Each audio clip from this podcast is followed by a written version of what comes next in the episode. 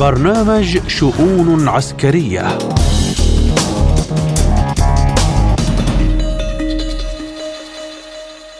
من إذاعة سبوتنيك بموسكو نرحب بكم مستمعينا الكرام أينما كنتم في حلقة جديدة من شؤون عسكرية. نقدمها لكم اليوم أنا نادية هلال. وأنا محمد جمعة ونبدأها بأهم العناوين. آخر تطورات الصراع الفلسطيني الإسرائيلي. السلطات الأوكرانية تعلن إجلاء أكثر من مئة ألف شخص من دونباس. الصين تعتزم تطوير شركاتها العسكرية الخاصة. ونبدأ بآخر تطورات الصراع الفلسطيني الإسرائيلي حيث ناقش رؤساء الإدارات العسكرية الأمريكية والإسرائيلية الاستعدادات لمرحلة الاستقرار في غزة. وهذه هي المرة الأولى التي تستخدم فيها إدارة بايدن مصطلح مرحلة الاستقرار حيث تكثف تدريجيا خطابها الهادف إلى إقناع إسرائيل بإنهاء المرحلة الحالية عالية الحدة من القتال. للحديث عن التفاصيل ينضم إلينا من القدس الأستاذ في العلوم السياسية ورئيس كلية المقدسي الدكتور أمجد شهاب.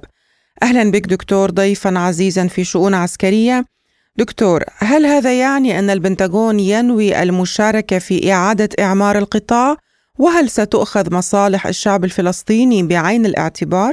لا أعتقد أن هناك هناك تفكير هناك صراع على سيناريو التهجير لأن الإسرائيليين يفضلون تهجير السكان وتفاوضوا مع دولة قبرص من أجل فتح طريق آمن للسكان لكي يخرجوا من قطاع غزة. بعتقد الموضوع يتعلق بالاستراتيجية يتعلق بالاستراتيجية القادمة للقضاء على حركة حماس يعني هم عندهم ثلاث ثلاثة استراتيجيات المرحلة الأولى والثانية والثالثة. هم يعتقدون بأن الاستمرار بعمليات القتل العشوائي آه، بمعدل 300 آه، فلسطيني يوميا و600 جريح. هو يجب أن بالنسبة لوجهة نظر الأمريكان يجب يجب تخفيفها. انتقال إلى مرحلة التركيز فقط على ضرب المقاومة المسلحة وقيادات حماس كما يفعلوا في الضفة الغربية.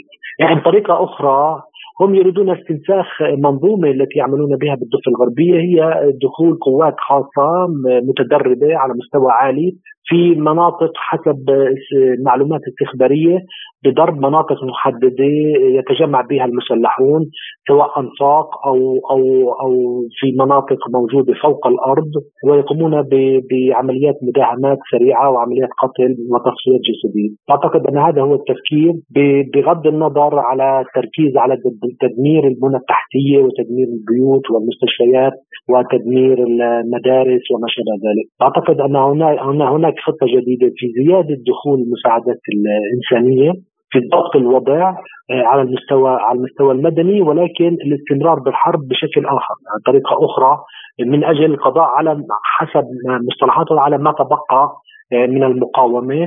آه، لأنه لا يمكن الاستمرار بهذا الشكل على مدى طويل وهذا سيؤدي إلى فضائح أكبر. عندما يعلم الجميع بان بأن هناك أعداد مدنية كبيرة تقتل يوميا وتموت ليس فقط من عمليات القصف العشوائي وأيضا من قلة الماء وقلة الدواء وقلة الأغذية آه، ومع تفشي الأوضاع تفشي الأمراض وأيضا مع وضع إنساني وصحي لا يطاق. دكتور أمجد طالب رئيس الوزراء اللبناني نجيب ميقاتي من نظيره البريطاني بوقف عدوان إسرائيل على غزة وجنوب لبنان لأن الاستفزازات الإسرائيلية في الجنوب اللبناني قد تؤدي إلى حرب إقليمية. السؤال هل ستتمكن بيروت من تجنب التصعيد الخطير ومنع الحرب الشاملة برأيك؟ بعتقد حتى الآن في قواعد اشتباك بعدم توسيع الحرب تدخلت أمريكا وفرنسا وبريطانيا أكثر من مرة لمنع إسرائيل بهجوم آه، شامل وأيضا من منع حزب الله بالطرف الآخر بهجوم بتوسيع ضرباتها على العمق العمق الإسرائيلي، أعتقد حتى الآن آه، لا أعتقد أن أن هناك تحول جذري في الجبهة الشمالية ولكن هناك أصوات آه، كثيرة تعلو في داخل مجلس الحرب الإسرائيلي وأيضا آه، في الحكومة المتطرفة بفتح جبهة أخرى. وبعتقد أن نتنياهو يميل أكثر في فتح جبهة أخرى ولكن بعد تحقيق نتائج على جبهة جبهة قطاع غزة. لأنهم وعدوا سكان سكان المستوطنات الشمالية بالعودة إلى مستوطناتهم بعد التخلص من التهديد الأمني بين قوسين مجسد بوجود وجود حزب الله في جنوب لبنان. وهم وضحوا أكثر من مرة بأن على حزب الله الانسحاب مسافة 40 كيلو متر من جنوب لبنان. وإذا لم ينسحب بالطرق الدبلوماسية فانهم سيقومون باستخدام باستخدام القوة العسكرية. بعتقد أن مسألة التصعيد في جنوب لبنان هي مسألة وقت. هم أعدوا العدة لمواجهة لمواجهة سيناريو مفتوح لكن يريدون أن يفتحوا أكثر من جبهة. وخاصة أن معظم الاحتياط نتحدث عن 360 ألف جندي متواجدون في غلاف قطاع غزة وجزء منهم داخل أراضي قطاع غزة. أعتقد أن الوقت أن الموضوع مسألة وقت لا أكثر ولا أقل. وفي سوريا حيث تصدت الدفاعات الجوية السورية مجددا لعدوان إسرائيلي ثاني هذه الليلة.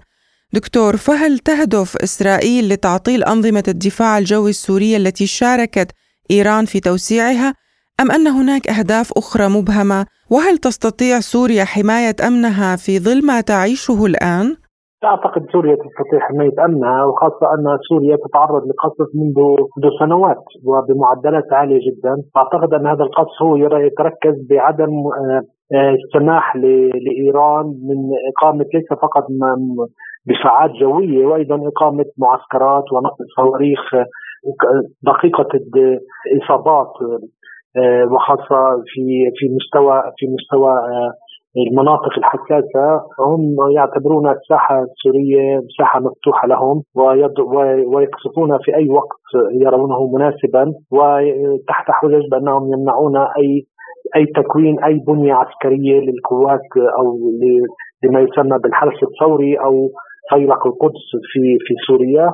والصدمة من طبعا ليس فقط من الفلسطينيين ولكن من كثيرين بعدم آه، تفهم منطق عدم الرد على كل هذه الإهانات وأيضا الاعتداءات على السيادة السورية. ولكن أنا أعتقد بأن هناك اتفاق ضمني بين الحكومة السورية وبين آه، بين إسرائيل بعدم الرد. في حاله في حال كان هناك رد فإن فإن الطائرات الإسرائيلية ستستهدف الصف الأول قيادي القيادات السياسية في سوريا وخاصة الرئيس بشار الأسد وتوجيه الضربات للقصر الرئاسي وما شابه ذلك، لذلك بعتقد أن هذا هو السبب الرئيسي بعدم بعدم قدرتهم على الرد خوفا من سقوط النظام النظام النظام السوري. ولكن تبقى تبقى عملية قصفهم بهذا الشكل مهين. للشعب السوري للسيادة السورية وللجيش السوري. أفاد تقرير مفوضية الأمم المتحدة السامية لحقوق الإنسان عن مقتل 300 فلسطيني في الضفة الغربية بينهم 79 طفلا. طبعا شدد التقرير على أن حالة حقوق الإنسان في الضفة الغربية تتدهور بشدة. دكتور لماذا لا تتخذ السلطات الفلسطينية إجراءات عملية لمنع تصاعد التوتر في الضفة الغربية؟ السلطة الفلسطينية ليس لها قيادة، رئيس السلطة الفلسطينية في الضفة الغربية هو المنسق الأمني والمدني لقوات الاحتلال، يعني هم يطلقون أوامرهم من بي من بيت إيل، بيت إيل هو هو مكان القياده العسكرية في الضفة الغربية. وهو قريب من من بيت الرئيس. هم آه، ليس تصريحاتي آه، ولا وليس فقط تحليلاتي. صائب عرقات قال بأن الرئيس الفعلي للضفة الغربية هو الجنرال الإسرائيلي الذي آه، يقود الضفة الغربية من بيت إيل. وأيضا تحدث أكثر من مرة الرئيس الفلسطيني بأن بأن السلطة في الضفة الغربية تحت بساطير الاحتلال. فهم لا يستطيعون أن يفعلوا أي شيء بدون توجيه أوامر من منطقة بيت ايل آه، السلطة الفلسطينية مجرد مجرد ديكور وظيفي يقوم بتقديم خدمات للاحتلال على المستوى المدني آه، التعليم الصحة النظافة المسؤوليات البلدية. آه، لا يتجاوز هذا الحد. وأيضا في التنسيق الأمني وهي وظيفة الأهم في في نقل المعلومات عن المقاومين الفلسطينيين لاحظنا في الفترة الأخيرة استطاعت الأجهزة الأمنية الفلسطينية من ضبط عشرات آه، القنابل المعدة لتفجيرها في في ضد الآليات العسكرية الإسرائيلية في مناطق عدة في الضفة الغربية جنين نابلس وطول كرم واعتقد ان أن دور السلطة الفلسطينية يقتصر فقط على دور وظيفي في خدمة الاحتلال من مستوى اقتصادي أو أمني أو مدني. لا أكثر ولا أقل وهم لا يستطيعون حماية حتى شجرة زيتون أو حماية مزارع من اعتداءات المستوطنين أو منع إقامة مستوطنات أو منع هدم بيوت أو منع منع الاستيلاء على أراضي من قبل المستوطنين. السلطه سلطة عاجزة مشلولة ولا لا تستطيع أن تفعل أي شيء بدون التنسيق وأخذ الضوء الأخضر من قوات الاحتلال حتى ممازن عندما يريد أن يسافر لا يستطيع أن يسافر بدون إذن أمني وعسكري من من بيت من السلطات العسكرية الإسرائيلية. وهذا للأسف شديد لا يعيه أحد ويعتقدون أن السلطة هي جهاز ممكن أن يلعب دور في إقامة دولة فلسطينية. ولكن الوقائع عندما نرى بأن الجهاز حتى الجهاز الدبلوماسي تقريبا مشلول بنسبة 99% وأن أن أن السفارات الفلسطينية الموزعة في العالم لها أهداف أخرى غير العمل الدبلوماسي، بعتقد أن لها أهداف أمنية لمصلحة الاحتلال من خلال التقارير الأمنية في المناطق التي توجد بها للأسف الشديد. كان معنا الأستاذ في العلوم السياسية ورئيس كلية المقدسي الدكتور أمجد شهاب، شكرا لمشاركتك القيمة. وإلى أوكرانيا حيث أعلنت وزارة الشؤون إعادة الإدماج الأوكرانية بأنها قامت بإجلاء أكثر من مئة ألف شخص من منطقة دونباس. من بينهم آلاف الأطفال ومحدودي القدرات. كانت السلطات الأوكرانية قد أعلنت في وقت سابق عن إجلاء السكان من مدينة أفديفكا القريبة من دانيسك التي تدور بها معارك وحولها أيضا. كذلك من بعض المناطق في مقاطعتي خاركوف وسومي المتاخمتين للحدود مع روسيا. وفي هذا السياق أعرب متحدث باسم وزارة الخارجية الألمانية عن ثقة برلين بأن الاتحاد الأوروبي سيكون قادرا على المضي قدما في تقديم الدعم اللازم لأوكرانيا حتى في ظل استمرار الاعتراضات من هنغاريا. للحديث أكثر عن آخر تطورات الحرب في أوكرانيا نستضيف معنا الباحث في الشؤون السياسية الروسية الأوروبية الأستاذ صدقي زاهر عثمان. أهلا بك أستاذ صدقي في شؤون عسكرية. وأبدأ معك من تصريح وزير الخارجية المجري بأن بلاده لن تغير موقفها بشأن الصراع في أوكرانيا. فهل يتمكن الاتحاد الأوروبي من الاستمرار في تقديم الدعم اللازم لأوكرانيا حتى لو اعترضت بودابست؟ آه يعطيكم ألف عافية، بطبيعه الحال في تعامل كبير بالموقف الألماني تجاه الاستمرار في عمليات الدعم التي ترغب في تقديمها لأوكرانيا، آه، تصريحات اللي ادلى بها آه، رئيس الوزراء الأوكراني لنشرتها بلومبرج ودوتشفيلي تحدثت انه أوكرانيا حاليا بأمس الحاجة لحزم جديدة لأنه الموازنه العامه الاوكرانيه بشكل أو بآخر تعتمد بشكل آه، كبير على هذا الدعم المادي اللي راح يقدمه الاتحاد الأوروبي، يعني على سبيل المثال من الأرقام اللي ذكرتها بلومبرج أو حتى الدوتشفيلي إنه حتى الموازنة العامة الأوكرانية غير قادره على دفع الرواتب العادية رواتب التقاعد رواتب المتقاعدين أو للعاملين في الشؤون لغاية اذار إذا لم يحدد الموقع الاتحاد الأوروبي موقفه من هذا الأمر. ان الاتكال الأوروبي على الاتحاد اتكال عفوا الاوكراني على الاتحاد الأوروبي آه، كبير إلى هذا الحد، بطبيعه الحال نحن اليوم عم نحكي إنه الجميع يعرف إنه إذا توقف هذا التدفق المساعدات الأوروبية أو الأمريكية فبالنسبة للامور للدولة الأوكرانية يعني منهارة، ليس هذا على الصعيد العسكري خلينا نحكي، عم نحكي على الصعيد المالي العادي مواضيع الرواتب وغيره من الأشياء، اليوم كمان عم نحكي على موضوع أوكرانيا عازمة على تعديل آه، فيما يتعلق بالتعبئة العامة لتعبئة حوالي 400 أو 500 ألف جندي يعني قانون التعبئه الجديد رح يكون آه، كثير صارم. يعني حتى لو كان الشخص عنده عين وحدة أو إذن وحدة أو حتى عنده كلية وحدة أو حتى ما عنده كلية أو ما عنده شيء هذا الشيء رح يكون كافي لتعبئته حتى عملية التعبئة الجديدة هذا كرواتب للعاملين سيكلف الدولة الأوكرانية مع حوالي 13 14 مليار دولار. هذه مبالغ جدا مهولة. اليوم عم تحدث انه عجز الموازنة العامة الأوكراني للعام 2024 أو الدين العام الخارجي الأوكراني رح يكون حوالي 220 مليار دولار. هذه الأرقام أوكرانيا لنفسها غير قادرة على تزويدها لنفسها. يعني ما عندها أي مصادر تمويل ما عندها أي إنتاج محلي ما عندها أي صادرات. فبالتالي التعويل كبير كبير على عملية تزويد بحزم مالية معينة. أي عملية توقف عن التزويد رح تؤدي للانهيار تصريحات رئيس الوزراء ليست يعني من تصريحات عبثيات تصريحات المسؤولين الأوكرانيين نفسهم. وبالتالي أعتقد إنه الاتحاد الأوروبي لن يسمح بهذا الانهيار الكارثي. يعني على مستوى آذار ما عندهم قدرة على لآذار حتى يصمدوا. فبالتالي الاتحاد الأوروبي أو حتى ألمانيا بشكل أو بآخر أعتقد سيقدمون بعض من الحزم في الفترة الحالية بغض النظر عن الموقف المجري. على أي شكل هي تكون حزم فردي أو حتى الاتحاد الأوروبي عنده آليات لاتخاذ قرار بعزل المجر لكن أعتقد إن هذا الموضوع جدا مهم بالنسبة لهم على المدى الطويل إلى أي مدى سيستمر هذا الاتكال أو التعويل لا أعرف بس أعتقد يعني الوضع بالنسبة لأوكرانيا جدا في حالة طوارئ والاتحاد الأوروبي يبحث بشكل أو بآخر عن أي منفذ أو أي ما يسموه تسكيته في الفترة الحالية خلال الأشهر القادمة. تلقت أوكرانيا 34 حزمة مساعدات عسكرية من الولايات المتحدة خلال العام أي بما يعادل 24 مليار دولار. كيف تنوي واشنطن مناقشة جدوى تقديم المزيد من الدعم في ظل عدم قدرتها على تحقيق أي انتصار؟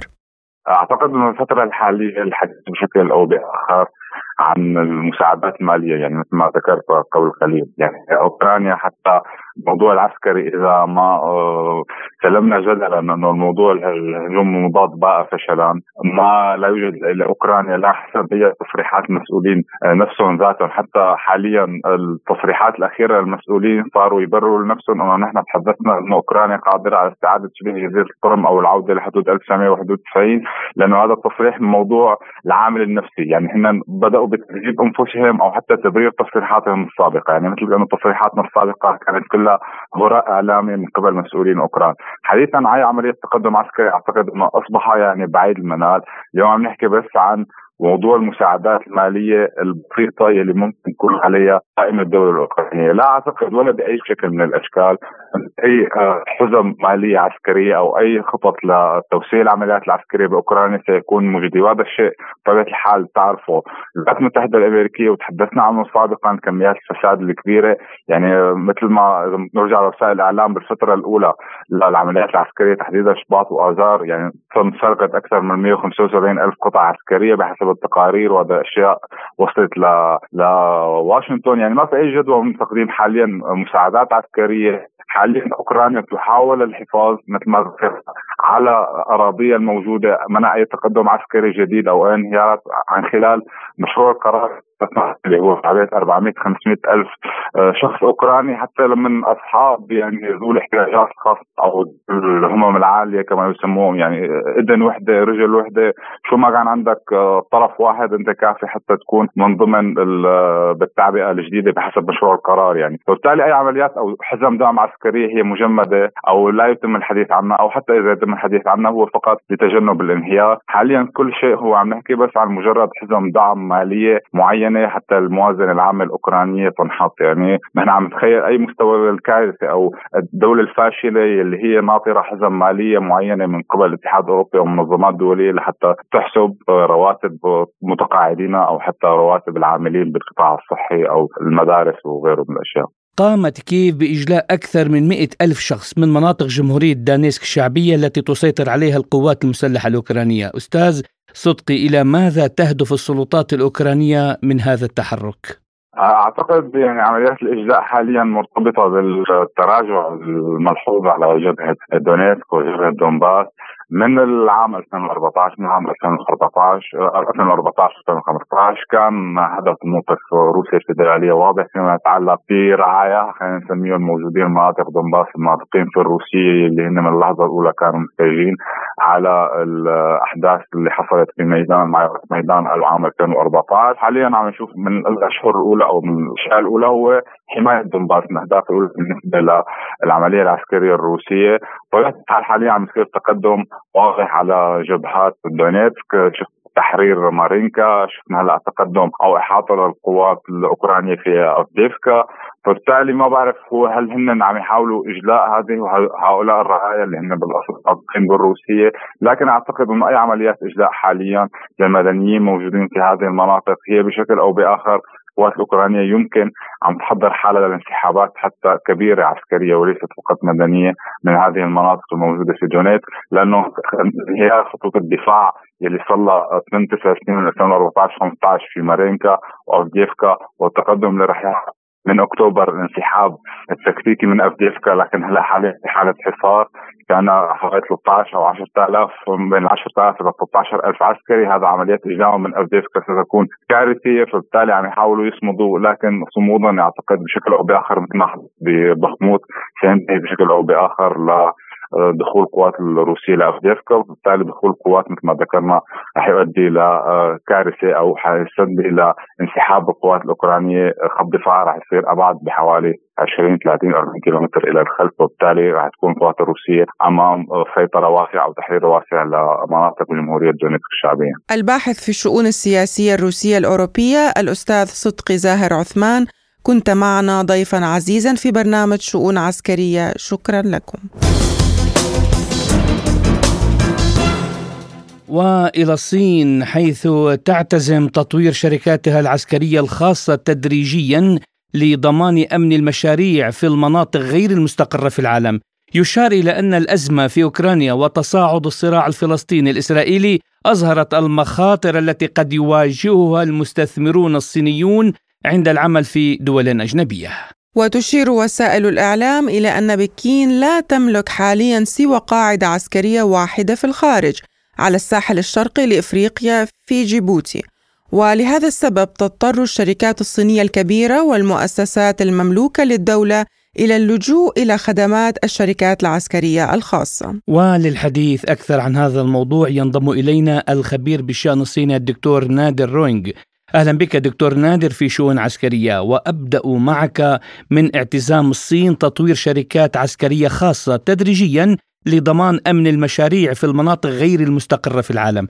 هل ستتأثر بنية الأمن العالمي إذا كانت الدول ستعتمد على شركاتها الأمنية لحماية مصالحها في العالم؟ نعم إذا كانت الدول كلها تعتمد على الشركات الأمنية الخاصة لحماية المصالح في العالم ستكون هناك يعني تحديد لأن الشركات الأمنية الخاصة أحيانا آه، يعني آه، لا تتبع ولا تسمع مباشرة آه، القرارات من الحكومة وكذلك الإدارة كان صعب لهذه الشركات. فإذا الدول كلها تعتمد على هذه مثل هذه الشركات ستكون هناك ال يعني ال هناك صعوبة في إدارة هذه القوات الشركات الأمنية الخاصة وكذلك هم ستصبح قوة يعني محددة لأن يعني ليس هناك الإدارة مباشر لأي حكومات لمثل هذه الشركات الأمنية وهي القوات الخاصة. أحيانا إذا تطورت كثيرا وإذا كان قوتها أكبر من الجيش النظامي في بعض الدول ستكون هناك تحديد أمنية لاستقرار في المنطقة. كيف تبرر الصين هذا الإجراء؟ وما هي العقبات التي قد تواجهها الصين من جراء ذلك؟ الصين حاليا يعني رسميا ليس لديها خطة لتدوير شركات عسكرية خاصة لأن حتى الآن القوات العسكرية كلها هي تابعة للحكومة وحاليا الصين طبعا ستقوم بتعزيز الحماية لمشاريعها في الخارج وخاصة في المناطق الخطيرة في العالم. ولكن هي وذلك عبر آه، اعتمادا على قوات الحكومية أو جيش حكومي في البلد الذي آه، تتواجد فيها شركات صينية. وكذلك عبر الطرق الدبلوماسية من سفارات وقنصليات الصينية في الخارج. آه، يمكن أن نرى هناك المشاركة من الجيش الصيني في يعني إجلاء الرعاية الصينية من الصينيين من المناطق المتوترة أو المناطق التي تشهد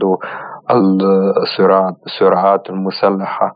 فعن هذا الطريق الصين تقوم بحماية المصالح وشركاتها وكذلك المواطنيها. حاليا الصين ليس لديها خطة لإنشاء حسب المصادر هنا لا ليس هناك خطة لإنشاء مثل هذه الشركات وكذلك القوات الجيش والقوات المسلحة كلها هي تابع للدولة وكذلك تحت قيادة الحزب وهل يمكن لهذه الشركات الأمنية الصينية الخاصة أن تتحول إلى قوات عسكرية تدخل سوق المرتزقة في الشرق الأوسط؟ الصين لا تسمح بأن يملك أشخاص القوة العسكرية الخاصة أو تملك شركات القوة العسكرية الخاصة. فهناك إدارة شديدة للأسلحة في الصين وقنابل وبنادق كذلك. لذلك الصين كذلك تقوم بحماية الاستقرار والسلام في الشرق الأوسط ولا تريد التدخل في الشؤون الداخلية في دول في الشرق الأوسط. فلذلك لن تكون هناك مرتزقات من يعني القوات العسكرية الصينية أو تحول إلى مرتزقات آه، لتدخل في يعني الشؤون الداخلية وخاصة في المجال العسكري في في الخارج وفي دول الشرق الأوسط. وكذلك آه، هناك طبعا هناك ستكون هناك مثلا القوات البحرية الصينية تقوم بحماية الملاحة البحرية الدولية في آه، خليج العدن ولكنها لن تتحول إلى المرتزقات في دول الشرق الأوسط. فالصين كذلك آه، هناك احترام لسيادة الدول وكذلك الصين تبقي قواتها العسكرية وتطبق السياسات الدفاعية ذات طبيعة الدفاعية فتبقي دائما قواتها العسكرية في عدم مستوياتها من من أجل الدفاع عن سيادتها ومصالحها التنموية ولكن لن تتحول إلى القوة المرتزقات. لتدخل في شؤون آه، الدول الأخرى في شؤون داخلية لدول أخرى سؤالنا الأخير لك دكتور نادر هل تسعى الصين إلى توسيع نفوذها الأمني في الشرق الأوسط وشمال إفريقيا تحت غطاء حماية مشاريعها الدولية ورعاياها في الخارج؟ موقف الصين في هذا بهذا الشأن واضح جدا الصين لا تريد أن آه، تسعى إلى آه، يعني تبسيط نفوذها في في الخارج أو في دول الشرق الأوسط وفي أفريقيا. والصين يعني مفهوم التعاون الصين مع هذه الدول هو على أساس الاحترام مبادئ احترام المتبادل وكذلك التعاون وكذلك الفوز المشتركة والتنمية المشتركة. والصين كذلك لا تريد المشاركة في المنافسات الجيوسياسية مع دول كبرى في في المناطق مختلفة في العالم في أفريقيا وفي الشرق الأوسط. فما تريد الصين هو أن آه، يقوم بالتعاون مع هذه الدول لتحقيق الفوز المشترك. وهناك احترام آه، كامل للمتبادل في تعامل الصين مع أي دول وكذلك الصين تسعى إلى بناء مجتمع مصير مشتركة للبشرية ولا تريد الانقسام داخل الدول العالم وكذلك لا تريد أن تحيمن على في أي منطقة. فالصين تقوم بالدفع تطور العلاقات الدولية والوضع الدولي نحو تعددية الأقطاب. الخبير بالشأن الصيني الدكتور نادر روين كنت معنا ضيفا عزيزا في شؤون عسكرية. شكرا لكم. إلى هنا تنتهي حلقتنا اليوم من برنامج شؤون عسكرية. كنت معكم أنا محمد جمعة. وأنا نادية هلال. شكرا لكم. إلى اللقاء.